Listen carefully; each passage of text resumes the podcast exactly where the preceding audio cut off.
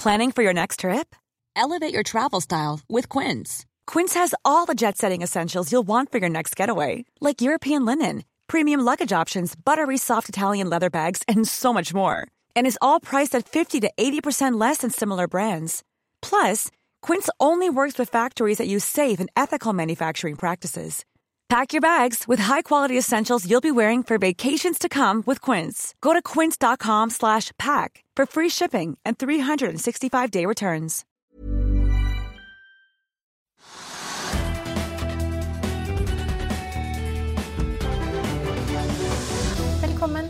Økonominyhetene. I dag skal vi se nærmere på hva som har skjedd på Oslo Børs. Vi skal innom Europa, Asia og USA. Vi begynner her hjemme med hovedindeksen, som er ned 0,4 i dag, Trygve.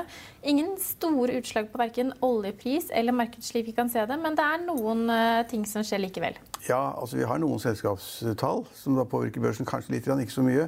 Men det som kanskje kunne påvirket Oslo Børs mye, det er at børsene går rett opp i USA fortsatt. Så uh, Nasdaq-indeksen var på all time high. Det er nesten utrolig når man tenker på all den usikkerheten som er. Og presidentvalget og fighten mellom Trump og andre. Og masse usikkerhet. Så da man får en rekordoppgang, det er ganske spennende. Men, og det burde kanskje påvirket Oslo Børs. Og i dag så tror man kanskje det at SMP 500 at den også skal da komme i all time high. Det kunne også påvirket Oslo Børs, men jeg tror markedet er litt trøtt av hva som skjer i USA. og tenker liksom, Nå må vi se på hva som skjer med selskapene i Norge. Hva tjener de penger, tjener ikke penger? Uh, og det får vi fasit på hver, hver dag nå? det får vi alltid fasit på, ja. Men, men, så De bryr seg ikke så mye om USA, men i tidligere tider så, så ville nok det slått ganske kraftig ut på Oslo Børs at de amerikanske børsene går så veldig mye opp. Men det er det ikke. Men vi har noen tall. Altså, det er litt rart. Altså, fikk jo veldig dårlige tall fra Gordon Ocean. Tøylandrederiet tapte milliarder.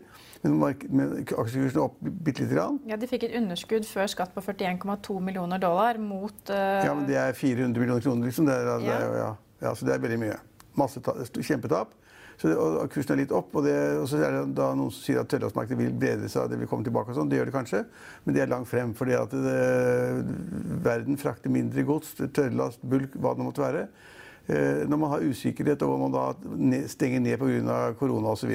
Men kan det virke positivt at selskapet sa under denne kvartalspresentasjonen at de hadde utnyttet markedsstyrken nå på tampen av andre kvartal inn i tredje kvartal til å eh, sikre ytterligere charterdekning? Kanskje, det vet jeg ikke. Men altså, det er et røft, tøft marked. Det er for mye skip i markedet. Og de ratene er lave. Veldig lave. Mye lavere enn man kanskje kunne tro. Så resultatet var kjempedårlig. Tapte mye penger. Så det er ikke bra. Men aksjen stiger 2% Ja, så det er det. Men så har vi Grieg Seafood som vi kan en del om, og de kom også med tall. og de, Der er eh, markedet ned 4-5% Det er, det er kanskje ikke så rart når du ser på de skrekkelige tallene? da. Ja, men De tjente penger, men de tjente nesten ikke penger i forhold til i fjor. Ja, Underskudd før skatt på nesten 59 millioner, ja, okay. et overskudd på 179 millioner i samme periode ja. i fjor. Og Carnegie, da, et meglerhus, mener at aksjen skulle falt enda mer på disse tallene. Ja, det kunne man godt tenke seg da. Og, men, men, det er iallfall ned da, ganske kraftig. Og, så, De skylder jo på denne koronapandemien at disse tiltakene fra regjeringshold og innstramminger fra land det gjør eh, situasjonen helt uh, uhåndterlig, eller det er umulig å forberede seg på noe som helst scenario. både når det gjelder produksjon, prosess ja. og sluttbruker. Ja, men det, er, så det, har, liksom, det har gått dem litt imot. De, og, og, de påpeker en rekke ting. for alt det som skjer med korona og nye, altså nye regler, ikke regler, og stengninger av rødt og grønt land og gult land, det er, skaper usikkerhet i markedet. Det kan godt tenkes at kunder i Tyskland eller Frankrike eller andre steder er mer usikre på hva de skal kjøpe i Norge, og hvor, når de skal gjøre til hvilke priser.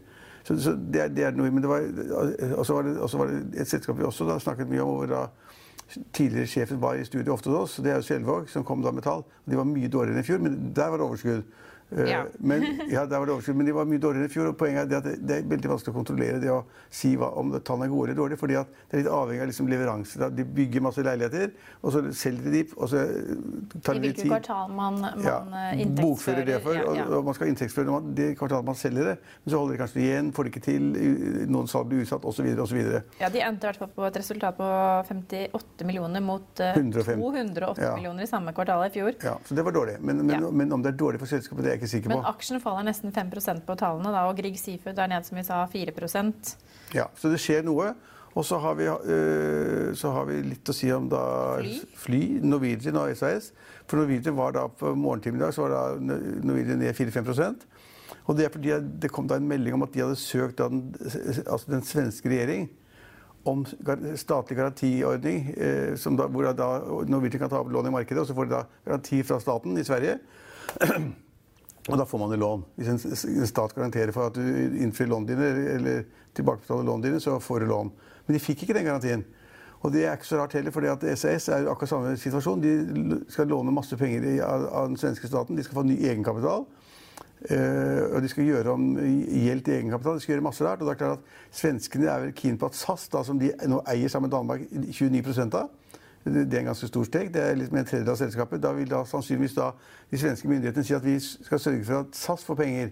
Men om Norwegian, som er konkurrenten, som er da norsk, får penger, det er ikke vi så veldig opptatt av. vil jeg tenke at de tenker. Nei, det, Men begge aksjene faller jo i dag. da. Altså, vi, vi, har SAS eh, som da i Norge er ned 8 og ja. Norwegian som, som faller 3,5% Ja, og at Norwegian faller er fordi de ikke har fått den garantien. Ja. Eh, og kursen er nede på 1,20 eller 1,30 øre, så det er veldig ille.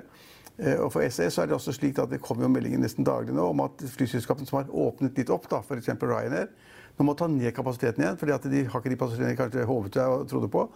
Og SAS er nå i, i søkelyset i dag fordi at eh, ledelsen har sagt at de er i forhandlinger med pilotene om da nye avtaler.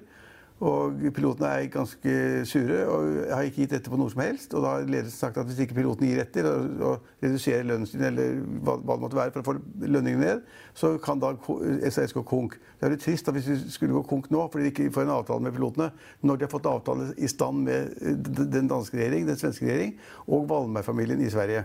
Så til syne har de laget en sånn kjempefinansieringspakke som er veldig bra for selskapet, men så vil de tvinge pilotene til å jobbe for en lønn lavere enn i dag. Og der står, det, står de nå partene og, og, kjefter på hverandre, og da er det ikke noe rart at markedet tenker at det er litt skummelt, og så selger de aksjen istedenfor å kjøpe aksjen. Ja, Vi har også en annen aksje som er dagens vinneraksje, opp 22% men der, det er Aqua Biotechnology. Der har det vært to rettede, betingede emisjoner på i underkant av 13 millioner mot nye ansatte og styre, nye styremedlemmer. Ja.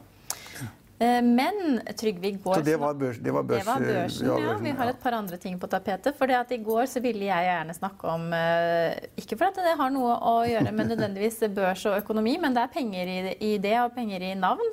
Og Petter Northug hadde jo en litt uheldig kjøretur, kjøretur i helgen. det, Nei, ja, ja, ja, ja, vi, ja, og jeg skrev litt om det i dag, faktisk, på lederplass i Finansavisen. For jeg synes det, er, det ble liksom helt urimelig etter hvert. For at han altså da kjørt i fylla igjen. Han gjorde det i 2014. Ja, Det er vel ikke helt sikkert at det er fylla, da? jo, nei, jo, jo, jo, jo, jo. Altså, det er ingen som er tvil om at han kjørte i fylla, selv om de ikke har fått de endelige mål måltingene. Det er spørsmålet om han har kjørt med, med, med altså, alkohol eller da med narkotikastoffer i blodet. Har han kjørt med det, er det mye verre. Og så fant de narkotika hjemme hos han. Og han kom til en situasjon da hvor omtrent samtlige i Idretts-Norge sier at det er så fælt å bli olympiamester og verdensmester, for da må vi lage et apparat når han da ikke går konkurranse lenger og ikke er aktiv. Så må vi liksom ha et system ved Norges idrettshøgskole, toppidrettssenter, hva det måtte være, for å ta vare på disse, disse skjøre personene som da vinner disse medaljene. Og det syns jeg er helt tåpelig. Det, ja, for det har sklidd greit ut for han? Ja, altså, Han har kjørt i fylla to ganger. Det er ikke bra. Det er, det det er dumhet. Han lærte ikke av den første gangen. Nå kommer han kanskje til å ende da med ubetinget fengsel. Forrige gang fikk han sånn der fotlenke i 50 dager. Men poenget er at dette er ikke en idrettssak. Altså, det, det, det, er ikke idretten som har skapt at han kjører raskt en, en eller to eller tre eller fire ganger. Det er, det er dumhet, som veldig mange gjør. Du kan være rørlegger, du kan være direktør, du kan være skipsreder, du kan være journalist. Av og gjør man dumme ting. Og Det er ikke noe kjempesyv hvor hele landet står bak og sier at nå må vi hjelpe Petter. Stakkars mann, han trenger et hjelpende apparat rundt seg. Så han ikke da kjører fort lenger. Det er, det er jo helt tullete. Det er mange mennesker som kjører fort, altfor fort ofte. Og så setter de da andres, andre folks sikkerhet i fare. Det er ikke bra i det hele tatt. Så han kan bare finne på noe annet å gjøre. Han kan gå i fengsel, ta straffen og bli mer fornuftig. Og Idretts-Norge skal og de sier at fra det øyeblikket han hadde oppmerksomhet mot seg som da verdensmester og OL-mester, så ble det så fælt å sitte hjemme og se veggen, og liksom ingen brydde seg om og sånn. Og skulle da, psykologene skulle lage da et sånt forsvarssystem, slik at han da kunne leve videre i, ro og mak. Det er en ordentlig skikkelig tull. Dette er snakk om økonomi og briller som man skal ha, tjene penger på ved royalties, klær, øh, jakker og hva det måtte være. Og Det er en helt ny verden, og det har ingenting med at ikke Idretts-Norge ikke tar vare på han. Ingenting. Nei, men, men, men så dette med at han fortsatt er et forbilde, da? Ja, altså, for det første tror jeg knapt noen vet hvem han er. Men altså... Hvis du spør små barn. Klæbo hadde kanskje vært litt verre. Han er jo også aktiv. Hvis det hadde skjedd ja, en, en, en ung idrettsutøver som var aktiv, så ville det vært mye verre. Ja, Hvis, en, altså, hvis Klæbo eller en, øh, en, annen alpinist eller noe annet øh, hadde da liksom vunnet VM og OL, og ungdommen som da var fra 5 til 15 år, så opp til han, så kunne det liksom skadet da eh, men, men, altså, Jeg tror ikke ungdommer tenker på det heller. Det, det, er en del sånne eldre mennesker som da på en måte tenker at å, så fælt er det å være toppidrettsutøver og vinne VM og OL, og så liksom går kona fra deg, eller du blir skilt, eller du drikker, eller altså alle, I alle yrker i alle har, har Det er sikkert like mange journalister som kjører fort som, som langrennsløpere. Så det jeg, det jeg syns er litt tåpelig. Det er det enorme eh, kravet om at liksom, vi må ta vare på de som har det, har det, så fælt når de ikke er aktive lenger. og Da må vi lage systemer som tar vare på det. Det syns jeg er noe tull. Ja, jeg syns jo også det er litt uh, interessant da, kanskje at Norges største tabloidaviser velger å skrive at uh, Petter Northug kjemper sin livskamp. For helgen før så var han kanskje på fest og hadde det helt flott, han.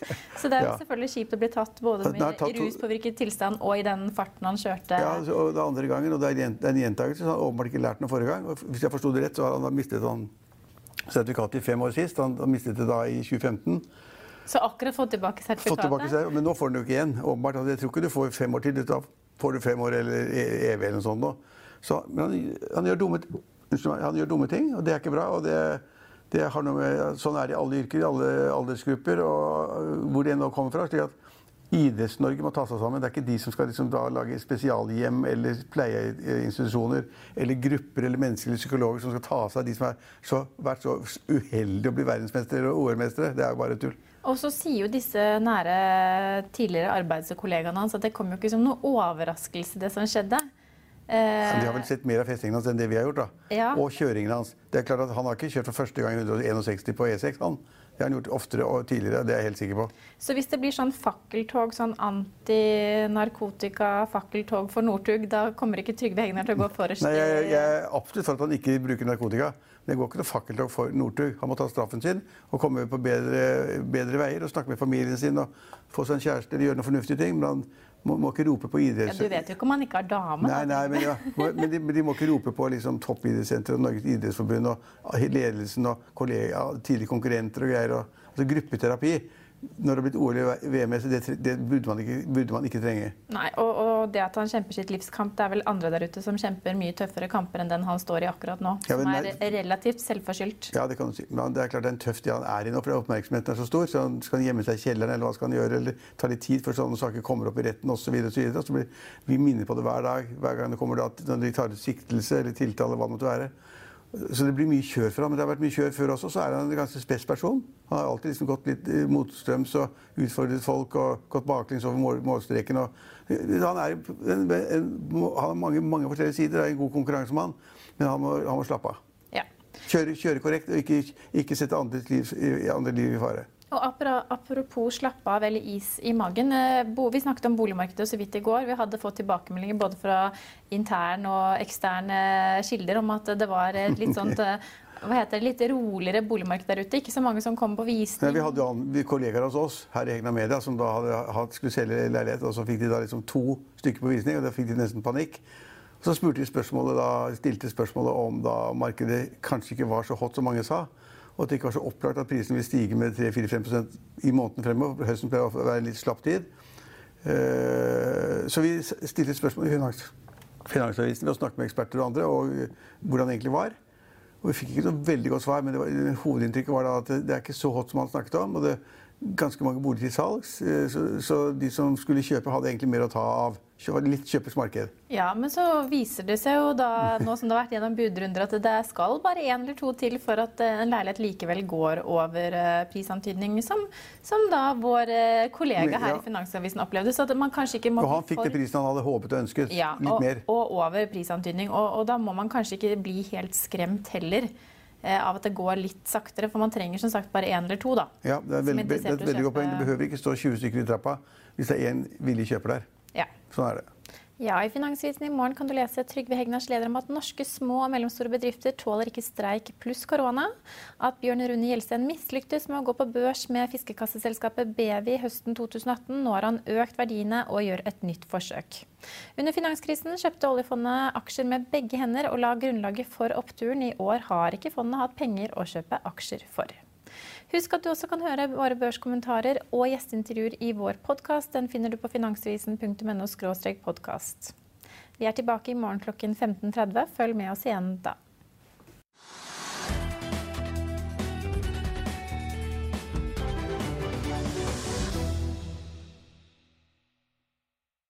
Økonominyhetene er en podkast fra Finansavisen. Programledere er Marius Lorentzen, Stein Ove Haugen og Benedikte Storm Bamvik. Produsenter er Lars Brenden Skram og Bashar Johar.